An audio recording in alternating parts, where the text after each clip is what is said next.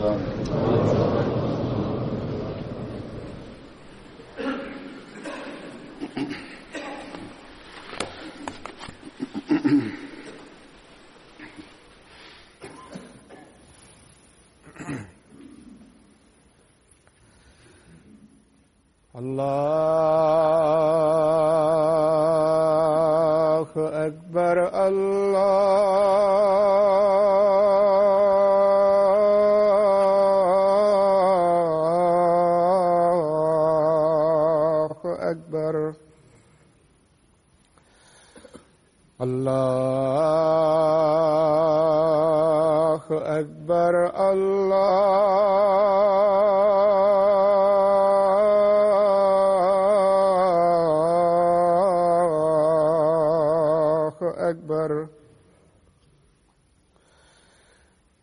أشهد أن لا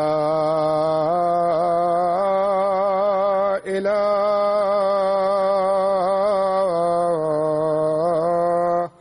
إلا الله. أشهد أن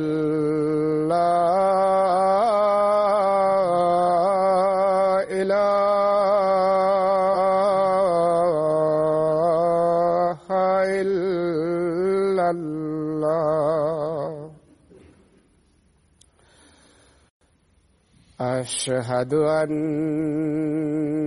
محمدا رسول الله.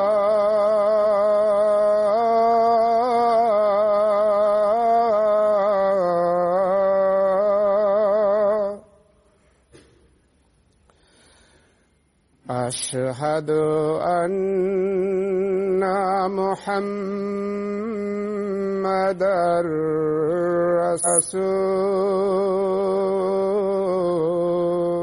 رسول الله. أي على السلام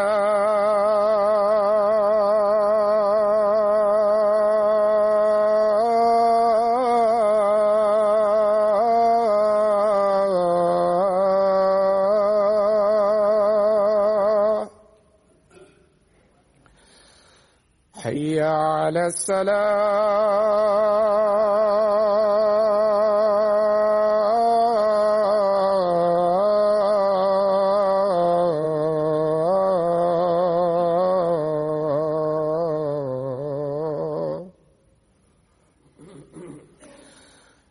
حي على الفلاح.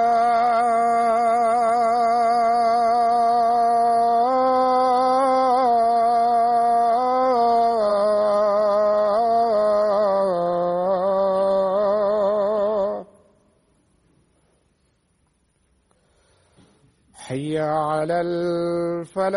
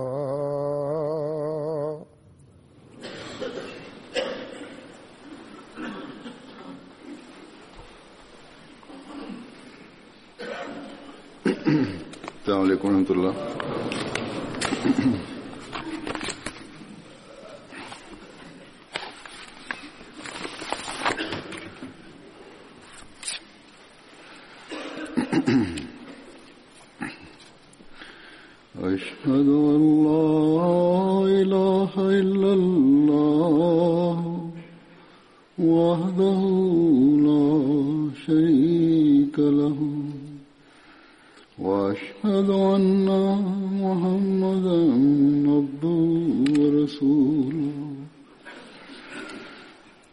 أما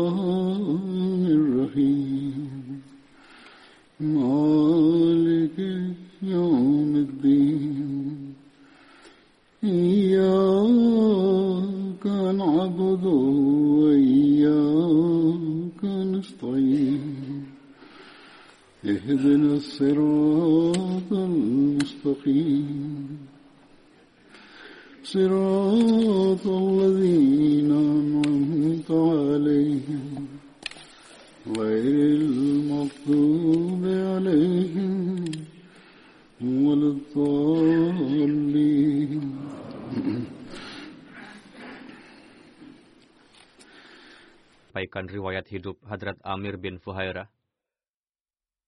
Dan berkenaan dengan beliau, cukup banyak riwayat yang dijumpai dalam sejarah. Beliau juga berperan dalam beberapa peristiwa penting sejarah Islam dan mendapatkan taufik untuk menjadi bagian di dalamnya. Adalah penting untuk menjelaskan riwayat-riwayat tersebut secara rinci Beliau mendapatkan julukan Abu Amru, berasal dari kabilah Azad, dan seorang hamba sahaya milik saudara tiri Hadrat Aisyah, Tufail bin Abdullah. Beliau seorang budak belian berkulit hitam, saudara tiri dari ibu, dari suami yang lain. Amir bin Fuhairah termasuk ke dalam Muslim awalin. Bayat sebelum Rasulullah memasuki Darul Arqam. Beliau biasa menggembala kambing milik Hadrat Abu Bakar. Setelah memeluk Islam, beliau dianiaya oleh orang kufar, lalu Hadrat Abu Bakar membeli dan memerdekakan beliau.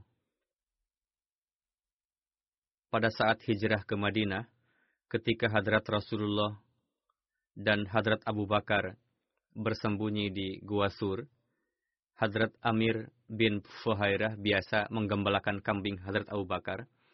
Hadrat Abu Bakar memerintahkan beliau untuk rutin datang ke Gua Sur dengan membawa kambing-kambing tersebut. Walhasil, beliau biasa menggembala kambing pada siang hari dan membawanya ke dekat Gua Sur pada sore hari. Hadrat Rasulullah dan Hadrat Abu Bakar biasa memerah susu kambing-kambing tersebut selama di Gua Sur. Ketika putra Hadrat Abu Bakar bernama Abdullah bin Abu Bakar datang berkunjung ke Gua Sur untuk menemui beliau berdua, maka dari arah belakang Hadrat Amir bin Fuhairah menghapus jejak langkah Hadrat Abdullah supaya tidak diketahui ke mana perginya beliau dan jangan sampai menimbulkan kecurigaan bagi kaum kufar. Ketika beliau berdua keluar dari Gua Sur dan berangkat hijrah menuju Madinah, Hadrat Amir bin Fuhairah ikut menyertai. Hadrat Abu Bakar mengendarai unta bersama dengan beliau. Yang bertugas sebagai penunjuk jalan adalah seorang musyrik dari Banu Adil. Setelah hijrah, Hadrat Rasulullah menjalinkan persaudaraan antara beliau dengan Hadrat Harith bin Aus bin Mu'az.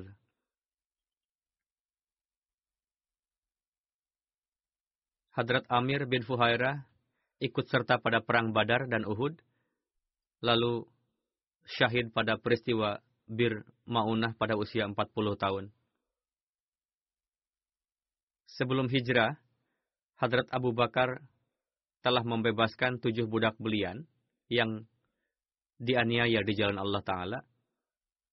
Di antaranya Hadrat Bilal, Hadrat Amir bin Fuhairah juga. Dalam menjelaskan peristiwa hijrah, Hadrat Aisyah meriwayatkan,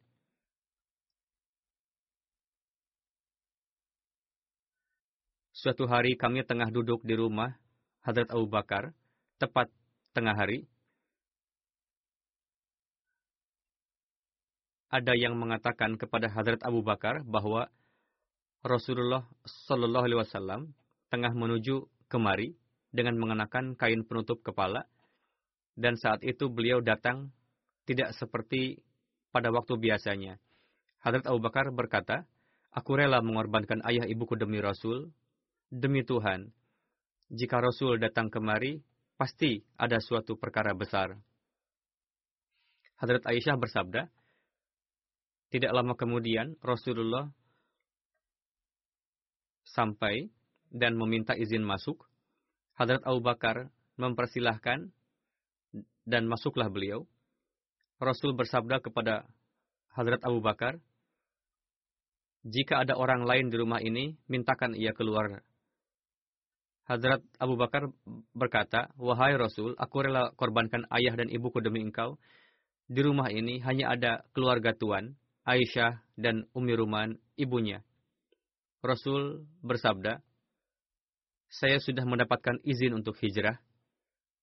Hadrat Abu Bakar berkata, Wahai Rasul, mohon berkenan untuk mengajak serta saya. Aku rela korbankan ayah dan ibuku demi engkau. Rasul bersabda, Ya, Anda juga ikut dengan saya. Hadrat Abu Bakar berkata, Aku rela korbankan ayah dan ibuku demi engkau. Silahkan, Huzur memilih salah satu di antara dua kendaraan unta betina ini. Rasul bersabda, saya akan membelinya. Hadrat Aisyah berkata, kami segera mempersiapkan perlengkapan untuk beliau-beliau kami menyiapkan perbekalan dan memasukkannya ke dalam kantong kulit. Putri Hadrat Abu Bakar, Hadrat Asma, memotong satu bagian ikat pinggangnya untuk mengikatkan mulut kantong. Karena itu, beliau dinamai dengan Zatun Nitaq. Setelah itu, Hadrat Rasulullah dan Hadrat Abu Bakar tiba di sebuah gua di Bukit Sur lalu bersembunyi di dalamnya selama tiga malam. Hadrat Abdullah bin Abu Bakar biasa datang dan bermalam menyertai beliau berdua di Gua Sur. Saat itu beliau sudah memasuki usia dewasa dan keluar dari Gua Sur dalam kondisi masih gelap, yakni beliau pulang pada pagi buta, seolah-olah beliau melewati malam bersama penduduk Quraisy di Mekah. Rencana apa pun yang kaum kufar buat berkenaan dengan Hadrat Rasulullah dan Hadrat Abu Bakar, Hadrat Abdullah memahaminya, lalu pergi ke Gua Sur untuk mengabarkan kepada beliau berdua ketika hari gelap, karena seharian beliau di Mekah. Budak belian Hadrat Abu Bakar, yakni Amir bin Fuhairah, biasa menggembala beberapa di antara sekian banyak kambing milik Hadrat Abu Bakar. Setelah melewati waktu Isya, beliau membawa kambing-kambing itu ke Gua Sur, sehingga beliau berdua dapat meminum susu segar dan melewati malam. Amir bin Fuhairah biasa pergi ke area ternak pada malam hari, lalu memanggil kambing-kambing, dan ini berlangsung selama tiga malam. Hadrat Rasulullah dan Hadrat Abu Bakar membayar seseorang dari kabilah Banu Dail sebagai penunjuk jalan ke Madinah. Orang itu berasal dari Banu Abdu bin Adi, seorang penunjuk jalan yang mahir. Ia telah mencelupkan jari tangannya untuk membuat perjanjian dengan keluarga As bin Wail dan menganut keyakinan yang sama seperti kufar Quraisy. Hadrat Rasulullah dan Hazrat Abu Bakar mempercayainya, meskipun ia kafir.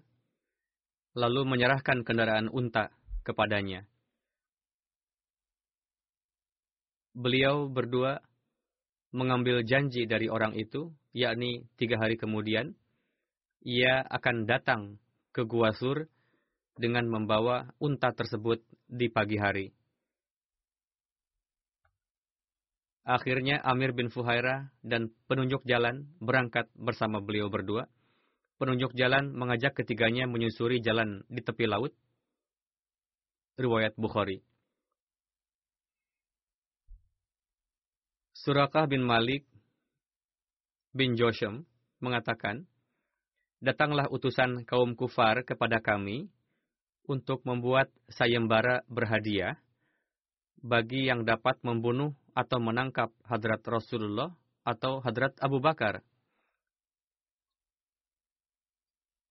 Saat itu, saya tengah berada di tengah-tengah majelis Banu Mudallij salah seorang dari antara mereka menghampiri dan menyampaikan bagaimana untuk menangkap atau membunuh Rasulullah.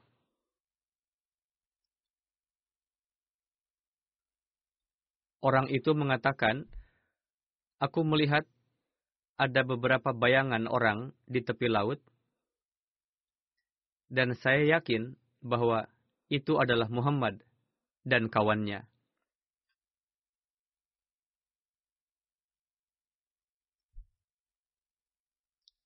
Surakah mengatakan, aku mengenalinya, namun aku katakan pada orang itu bahwa itu sama sekali bukanlah Muhammad, melainkan orang yang baru pergi dari antara kita. Surakah menyangkalnya. Lalu, aku tinggal beberapa saat dalam majelis tersebut. Surakah bernafsu untuk mendapatkan hadiah itu, dan ia takut jangan sampai didului oleh orang lain. Lalu saya berdiri meninggalkan majelis dan pergi ke rumah. Lalu kuperintahkan pelayanku, keluarkan kudaku, dan ikat di belakang rumah. Lalu aku mengambil tombak dan keluar dari arah belakang rumah. Kemudian aku menaiki kuda dengan menggunakan topangan tombak ke tanah, lalu berangkat menunggangi kuda betina. Kuda kutepok dan kuhentakkan sehingga kuda berlari kencang sampai tiba mendekati Rasulullah Shallallahu Alaihi Wasallam.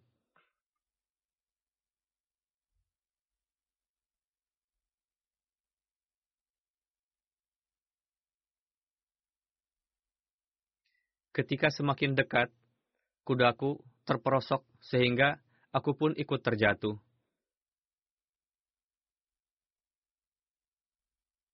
Aku bangkit dan aku keluarkan anak panah dari wadahnya, lalu mengundi nasib, yakni apakah aku akan berhasil melukai mereka ataukah tidak, yakni niatku untuk membunuh atau menangkap Rasulullah akan berhasil ataukah tidak. Ternyata jawaban yang keluar adalah yang tidak aku harapkan, yang artinya aku tidak akan dapat menangkapnya. Lalu aku kendarai lagi kuda dan melawan nasib tadi. Lalu unta membawaku dengan cepat dan begitu dekatnya kepada Rasulullah sampai-sampai aku mendengar Al-Quran yang dibacakan Rasulullah dan Rasulullah tidak menoleh ke sana kemari, sedangkan Abu Bakar berkali-kali melihat ke arah belakang. Namun kaki depan kudaku terperosok ke dalam pasir setinggi lutut. Lalu apa yang terjadi? Sesaat kemudian, ketika aku mendekati Rasulullah, kaki kudaku terperosok lagi ke pasir sehingga membuatku jatuh. Lalu aku marahi kudaku, lalu berdiri, namun kuda tidak dapat mengeluarkan kakinya dari pasir. Ketika kuda dapat berdiri tegak dengan susah payah, mengeluarkan kakinya dari pasir, menghembuskan debu ke sekelilingnya, yakni begitu dalamnya terperosok, sehingga ketika mengeluarkannya pun membuat pasir berhamburan layaknya debu. Lalu aku mengundi nasib lagi dengan mengeluarkan anak panah, ternyata yang keluar adalah yang tidak aku sukai, yakni aku tidak akan dapat menangkap Rasulullah.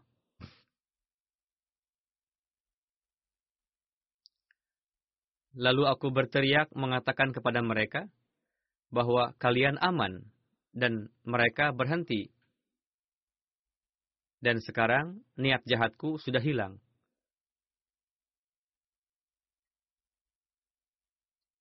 Aku menghampiri Rasulullah dengan menunggangi kudaku, dan ketika aku tidak punya niat jahat, kuda pun dapat berlari dan sampai di hadapan Rasulullah. Setelah mendapatkan rintangan berkali-kali untuk menangkap Rasulullah, membuatku berpikir bahwa pasti ini merupakan berkat ketinggian makom Rasulullah Sallallahu Alaihi Wasallam saya katakan kepada Rasulullah, kaum Anda, yakni Quraisy, telah membuat sayembara untuk menangkap Anda. Lalu aku jelaskan semuanya kepada beliau. Lalu aku berikan perbekalan kepada Rasulullah dan mengatakan, perbekalan ini untuk di perjalanan Tuhan nanti. Namun beliau Shallallahu Alaihi Wasallam tidak mengambilnya dan tidak juga meminta apa-apa kepadaku, kecuali beliau bersabda untuk merahasiakan perjalanan beliau, yakni jangan beritahukan siapa pun jalan yang ditempuh oleh beliau ini.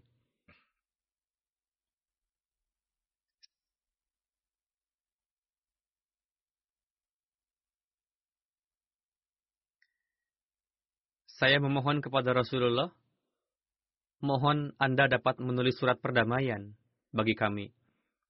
Rasulullah memerintahkan Amir bin Fuhairah, yakni hamba sahaya Afrika, yang sudah dimerdekakan dan ikut dalam perjalanan bersama Rasulullah untuk menulis surat damai.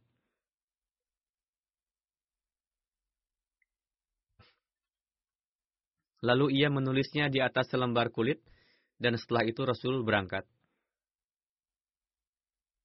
Ibnu Shihab meriwayatkan bahwa Urwah bin Zubair menceritakan kepadaku bahwa di jalan Rasulullah bertemu dengan Hadrat Zubair yang baru pulang niaga dari Syam dengan kapilah orang-orang Islam. Hadrat Zubair memakaikan pakaian putih kepada Rasulullah dan Hadrat Abu Bakar dan di Madinah orang-orang Islam mendengar bahwa Rasulullah telah berangkat dari Mekah.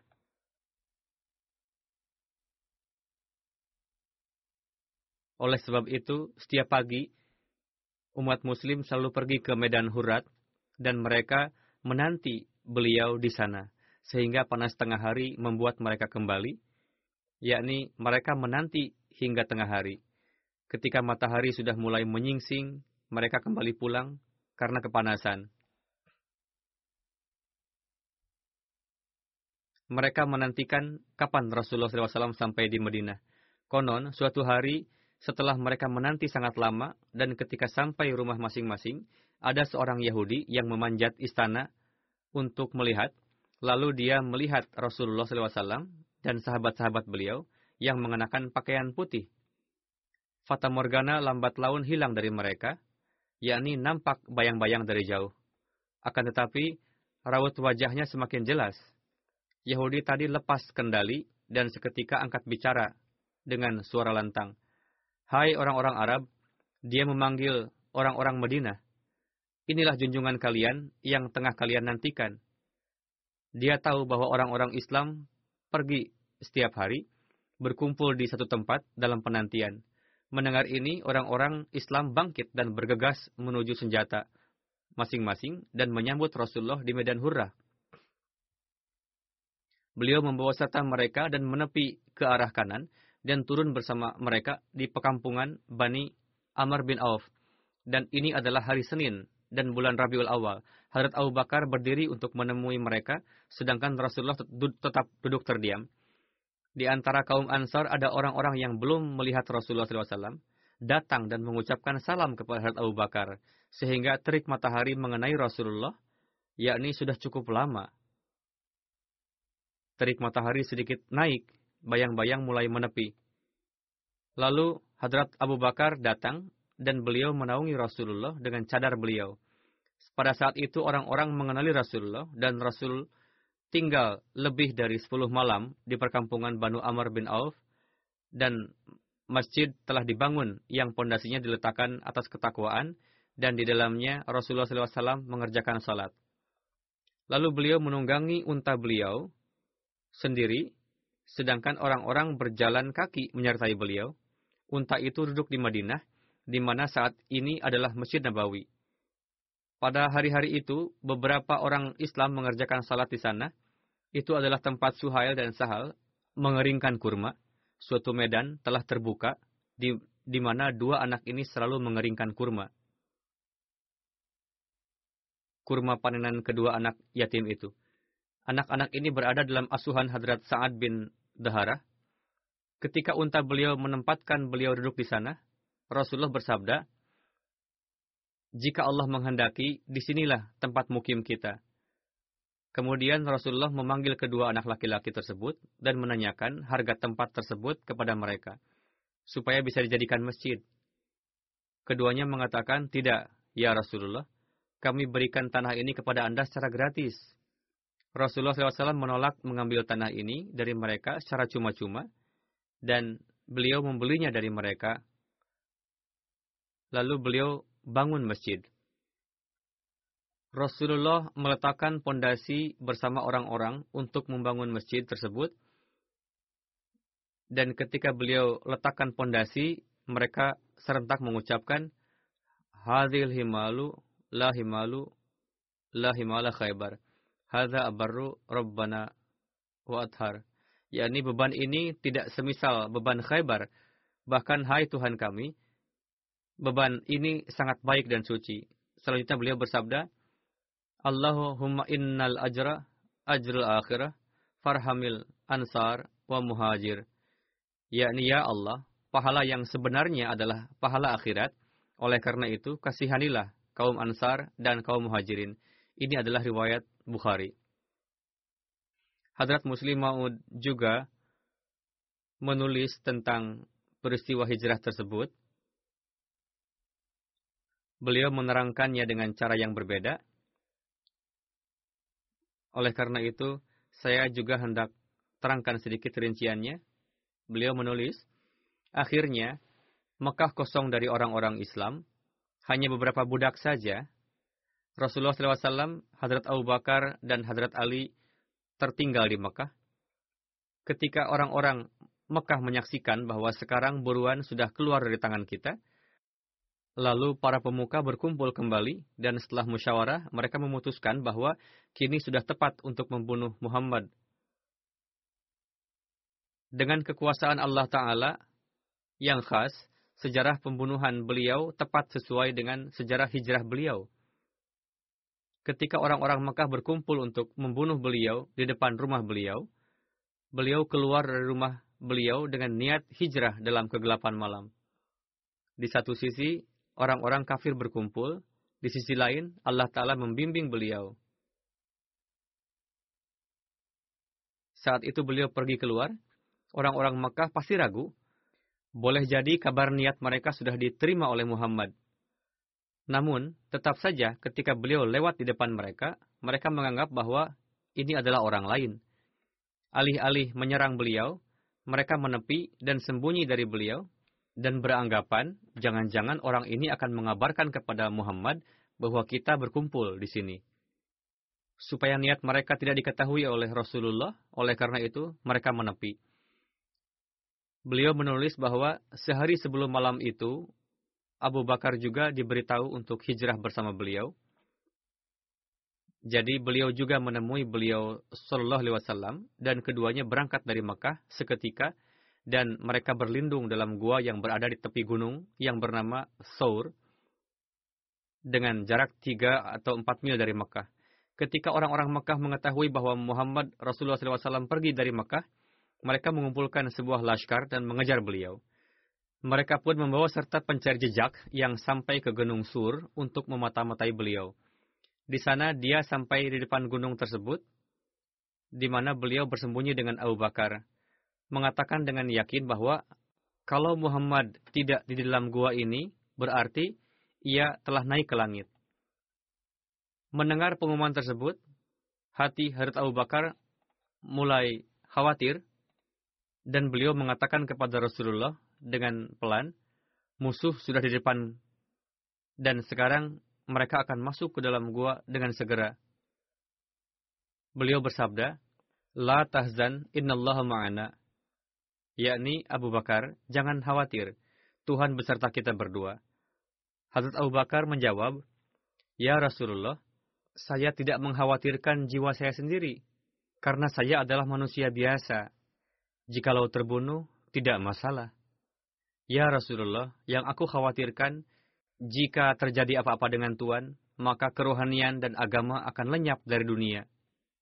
Rasulullah bersabda, saya tidak peduli kita di sini bukan berdua saja. Allah Ta'ala yang ketiga berada bersama kita.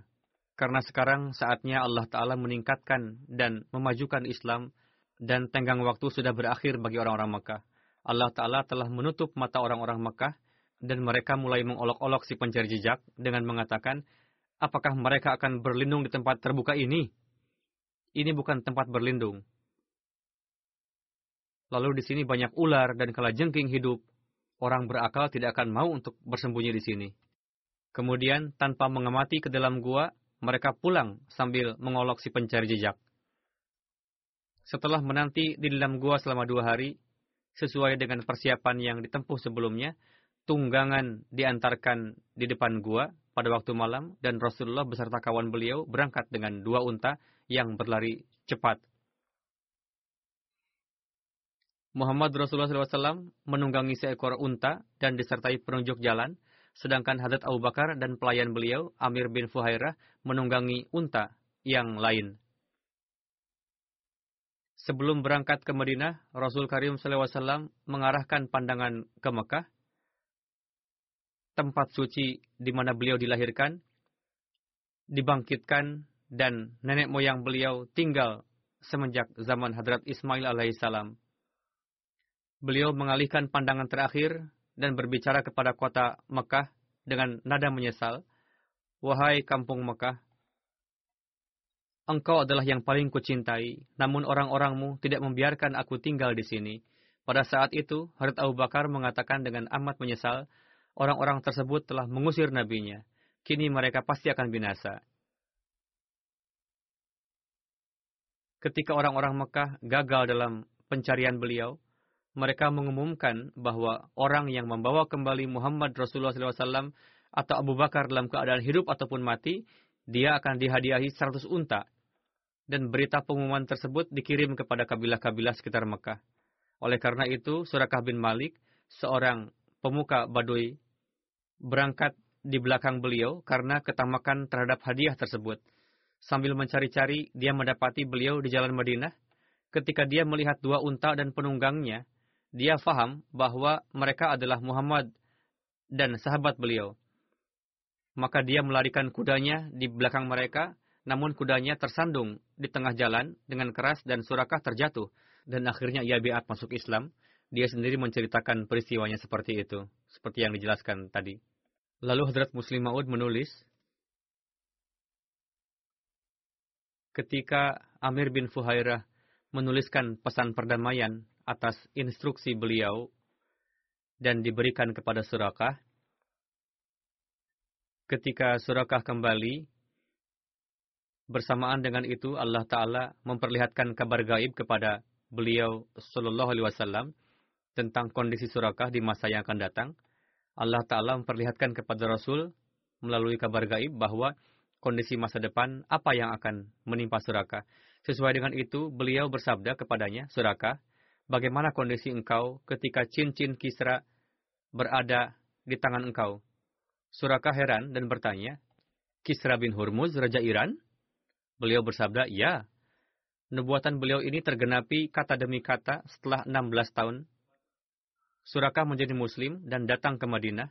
Setelah kewafatan Rasul Karim, pertama Hadrat Abu Bakar, lalu Hadrat Umar menjadi khalifah, Melihat kemegahan Islam yang terus meningkat, orang-orang Iran mulai menyerang kaum muslimin dan alih-alih menginjak-injak Islam, mereka sendiri dihimpit dalam melawan Islam. Orang-orang Iran mulai melakukan serangan-serangan.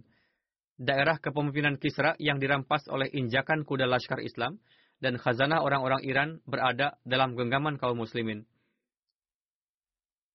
Harta pemerintahan Iran yang berada dalam genggaman Laskar Islam di dalamnya terdapat cincin yang selalu dipakai oleh Kisra pada saat bertakhta sesuai dengan kaidah Iran. Setelah Surakah menjadi muslim, peristiwa yang dihadapinya sewaktu hijrah Rasul Karim, dia ceritakan kepada kaum muslimin dengan sangat bangga dan orang-orang Islam tahu bahwa Rasulullah bersabda kepadanya, Surakah, bagaimana keadaan engkau ketika cincin Kisra berada di tangan engkau? Ketika harta ghanimah dibawa dan diletakkan di depan Hadrat Umar, dan beliau melihat cincin Kisra berada di dalamnya, semua gambaran itu nampak di hadapan beliau. Hadrat Umar dan di depan mata. Itulah saat kelemahan dan ketidakberdayaan ketika Rasulullah terpaksa harus meninggalkan tanah kelahiran dan pergi ke Madinah. Surakah dan orang lain melarikan kuda di belakang beliau dan mengantarkan beliau dalam keadaan hidup ataupun mati sampai orang-orang Mekah mereka akan memiliki 100 unta. Dan saat itu beliau berkata kepada Suraka, Suraka, bagaimana keadaan engkau ketika cincin Kisra berada di tangan engkau? Betapa agung nubuatan itu. Betapa jelas kabar gaib tersebut. Betapa nyata kabar gaib tersebut. Hadrat Umar melihat cincin Kisra di hadapannya. Kuasa Tuhan beralih ke hadapan mata beliau. Beliau berkata, panggillah Suraka. Suraka dipanggil. Lalu Hadrat Umar memerintahkan kepadanya untuk memakai cincin kisra di tangannya. Suraka berkata, Wahai Khalifah Rasulullah, memakai emas dilarang bagi kaum muslimin. Hadrat Umar bersabda, memang dilarang, betul sekali. Dilarang bagi kaum laki-laki memakai emas, namun bukan untuk kesempatan ini. Sekarang bukan kesempatan untuk dilarang. Allah Ta'ala telah memperlihatkan kepada Muhammad Rasulullah cincin emas berada di tanganmu apakah kamu akan memakai cincin ini? Atau aku harus memberi hukuman kepadamu? Karena sekarang nubuatan ini telah tergenapi, dan bagian yang lainnya pun harus kamu genapkan. Kritikan surakah disebabkan masalah syariat semata. Jika tidak, dia sendiri ingin menyaksikan nubuatan Rasulullah tergenapi. Surakah memakai cincin itu di tangannya, dan kaum muslimin menyaksikan nubuatan agung tersebut tergenapi dengan mata kepala sendiri. Berdasarkan beberapa buku, kata-kata cincin Kisra dipakaikan kepada Surakah bin Malik. Beliau tidak sabdakan pada kesempatan hijrah, bahkan ketika Nabi Karim kembali dari Hunain dan Taif di tempat Jurana. Akan tetapi, riwayat secara umum yang diterangkan sebelumnya adalah disabdakan pada kesempatan hijrah, sebagaimana ditulis oleh Hadrat Muslim radhiyallahu anhu. Ketika Hadrat Amir bin Fuhairah hijrah ke Madinah, sesampainya di sana beliau sakit, Rasulullah mendoakan beliau dan beliau pun sembuh. Hadrat Aisyah meriwayatkan, ketika Rasulullah hijrah tiba di Madinah, beberapa sahabat beliau jatuh sakit. Hadrat Abu Bakar, Hadrat Amr bin Fuhairah, dan Hadrat Bilal juga sakit. Hadrat Aisyah memohon izin kepada Hadrat Rasulullah untuk menjenguk beliau. Maka beliau pun mengizinkannya. Hadrat Aisyah bertanya kepada Hadrat Abu Bakar mengenai kondisi beliau. Maka beliau membaca syair berikut sebagai jawabannya.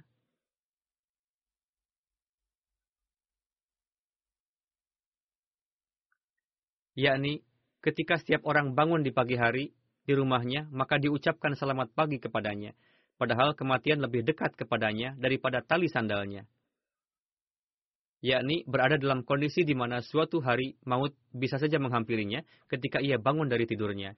Kemudian Hadrat Aisyah bertanya kepada Hadrat Amir bin Fuhairah mengenai kondisi beliau, maka beliau membaca syair ini.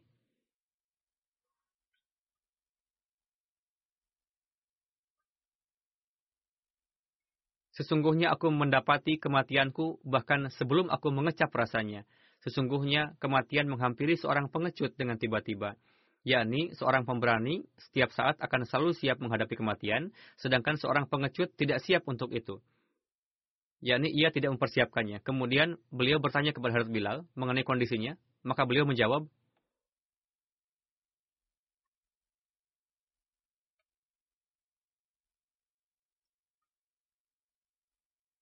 Seandainya diri ini masih sempat melewati suatu malam di lembah Mekah, dan di sekelilingku terhampar rumput Mekah Izkhir dan Jalil.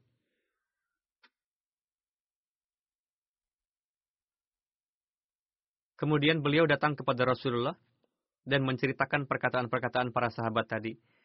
Beliau menceritakan bahwa Abu Bakar mengatakan demikian, Amir bin Fuhairah mengatakan demikian, Harut Bilal mengatakan demikian. Maka Rasulullah melihat ke arah langit dan berdoa sebagai berikut.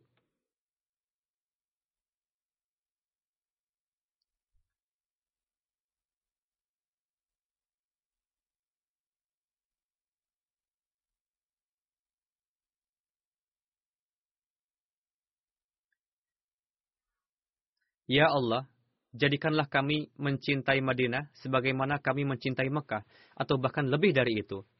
Ya Allah, limpahkanlah keberkahan untuk kami pada setiap sa dan mudnya. Ini adalah satuan takaran. Dan jadikanlah Madinah sebagai tempat yang sehat bagi kami, dan pindahkanlah wabah penyakitnya ke daerah Maya, yakni jauhkanlah dari kami.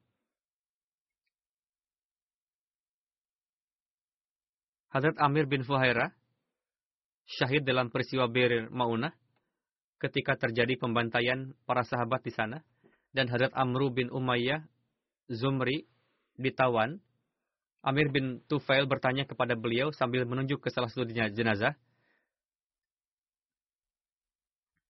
Ini siapa? Maka Hadrat Amru bin Umayyah menjawab, ini adalah Amir bin Fuhairah. Amir bin Tufail mengatakan, aku melihat Amir bin Fuhairah setelah dibunuh, ia diangkat ke langit.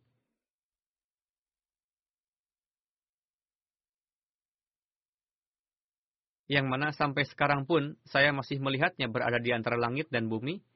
Kemudian ia diturunkan ke bumi.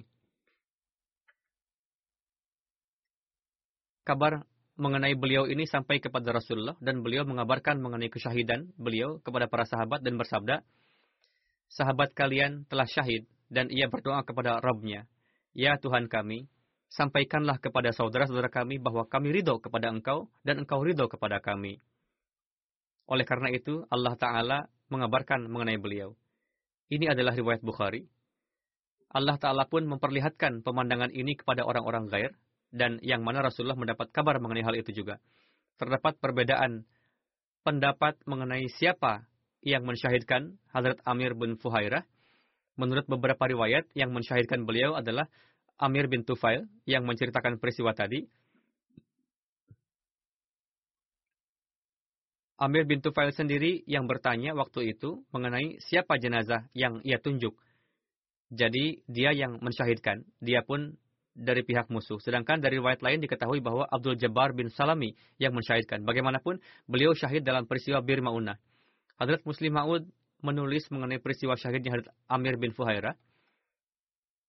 Beliau bersabda, lihatlah, Islam tidak meraih kemenangan dengan pedang, bahkan Islam meraih kemenangan dengan ajaran yang luhur yang merasuk ke dalam hati manusia dan menciptakan revolusi yang luhur dalam akhlak.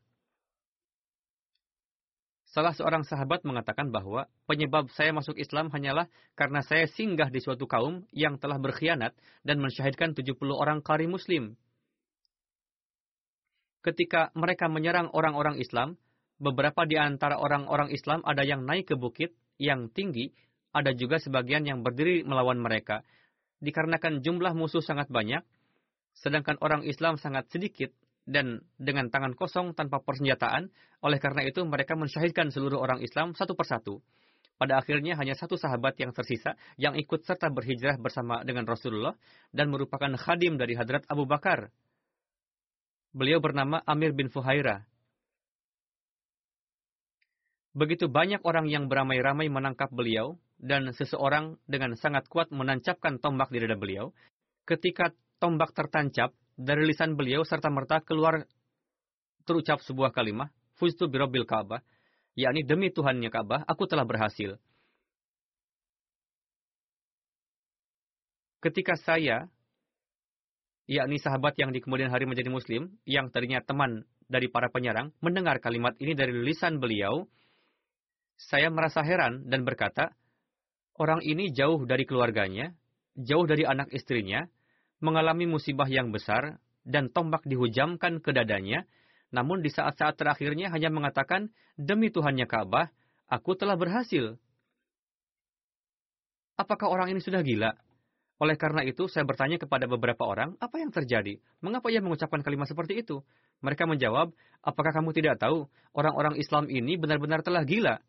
Ketika mereka meninggal di jalan Allah Ta'ala, maka mereka beranggapan bahwa Allah Ta'ala telah ridho kepada mereka, dan mereka telah meraih kesuksesan.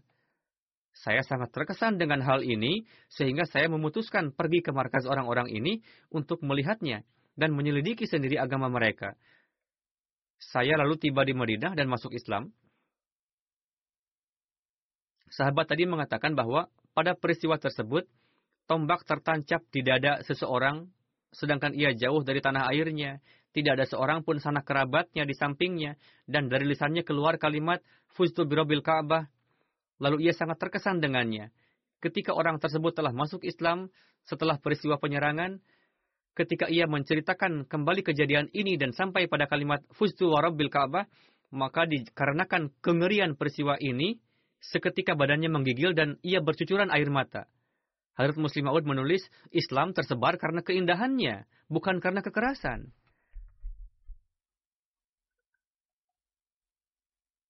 Diriwayatkan juga bahwa ketika syahidnya Hadrat Amir bin Fuhairah, kata-kata yang terucap dari mulut beliau di antaranya adalah Fustu birobil Ka'bah, Fustu wallah. Keduanya ada riwayatnya dan disebutkan pula bahwa kata-kata ini diucapkan juga oleh sahabat lain. Hadrat Muslim Ma'ud lebih lanjut bersabda, dengan membaca sejarah, kita mengetahui bahwa para sahabat pergi ke medan perang dengan memahami bahwa bagi mereka syahid di medan perang merupakan sarana ketentraman dan kebahagiaan yang hakiki. Jika mereka menderita suatu kedukaan di medan perang, mereka tidak menganggapnya sebagai kedukaan, melainkan kesukaan. Oleh karena itu, di dalam sejarah didapati peristiwa-peristiwa semacam ini, di mana mereka merasa bahwa terbunuh di jalan Allah Ta'ala merupakan ketentraman yang hakiki bagi diri mereka. Misalnya, para hafiz yang diutus oleh Hadrat Rasulullah untuk bertablik ke suku Arab, di antara mereka terdapat Haram bin Mulhan, yang pergi kepada kepala suku Amir yang bernama Amir bin Tufail untuk membawa pesan Islam. Sedangkan sahabat yang lainnya menunggu di belakang. Pada awalnya Amir bin Tufail dan kawan-kawannya secara munafik pura-pura menyambutnya dengan baik ketika beliau sudah duduk dengan tenang dan mulai bertablik beberapa orang jahat. Di antara mereka memberikan isyarat kepada seseorang yang durjana yang setelah mendapatkan isyarat ia langsung menusukkan tombaknya kepada Haram bin Mulham dari belakang dan beliau jatuh. Ketika jatuh dari lisannya keluar terucap Allahu Akbar fustu birabil Ka'bah yakni demi Tuhannya Ka'bah aku telah memperoleh keselamatan. Kemudian orang-orang jahat tadi mengepung sahabat-sahabat yang lain dan menyerang mereka. Pada kesempatan tersebut, khadim Hadrat Abu Bakar yang telah dimerdekakan, yakni Hadrat Amir bin Fuhairah yang menyertai Rasulullah pada saat hijrah, mengenai beliau diriwayatkan bahwa pembunuh beliau sendiri yang di, yang belakangan masuk Islam menjelaskan penyebab ia masuk Islam bahwa ketika aku mensyahidkan Amir bin Fuhairah dari mulut beliau seketika terucap fustu wallah, yakni demi Allah aku telah sampai kepada tujuanku. Peristiwa-peristiwa ini menjelaskan bahwa bagi para sahabat, kematian alih-alih merupakan kesedihan justru menjadi sumber kesenangan mereka. Walhasil alangkah beruntungnya mereka, khususnya Amir bin Fuhairah, yang juga mendapatkan kesempatan untuk mengkhidmati Hadrat Abu Bakar, mendapatkan kesempatan untuk mengkhidmati Hadrat Rasulullah, dan juga berhijrah bersama beliau, dan juga mengkhidmati Islam. Kemudian beliau juga menyediakan makanan bagi Hadrat Rasulullah di Gua Sur. Pada saat itu makanan yang beliau bawakan adalah susu.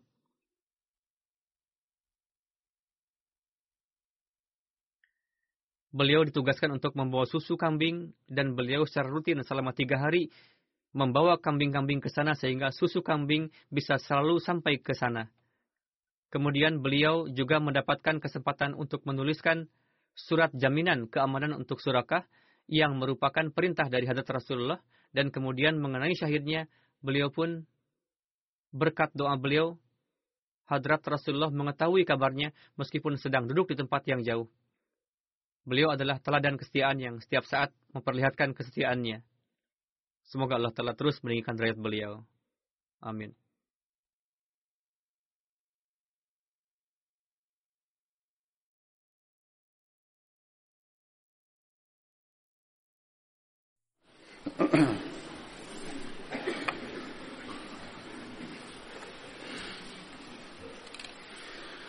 الحمد لله الحمد لله نحمده ونستعينه ونستغفره ونؤمن به ونتوكل عليه ونعوذ بالله من شرور أنفسنا ومن سيئات أعمالنا من يهده الله فلا مضل له ومن يضلل فلا هادي له ونشهد أن لا إله إلا الله ونشهد أن محمدا عبده ورسوله عباد الله رحمكم الله. إن الله يأمر بالعدل والإحسان وإيتاء ذي القربى وينهى عن الفحشاء والمنكر والبغي يعظكم لعلكم تذكرون. اذكروا الله يذكركم وادعوه يستجب لكم ولذكر الله أكبر.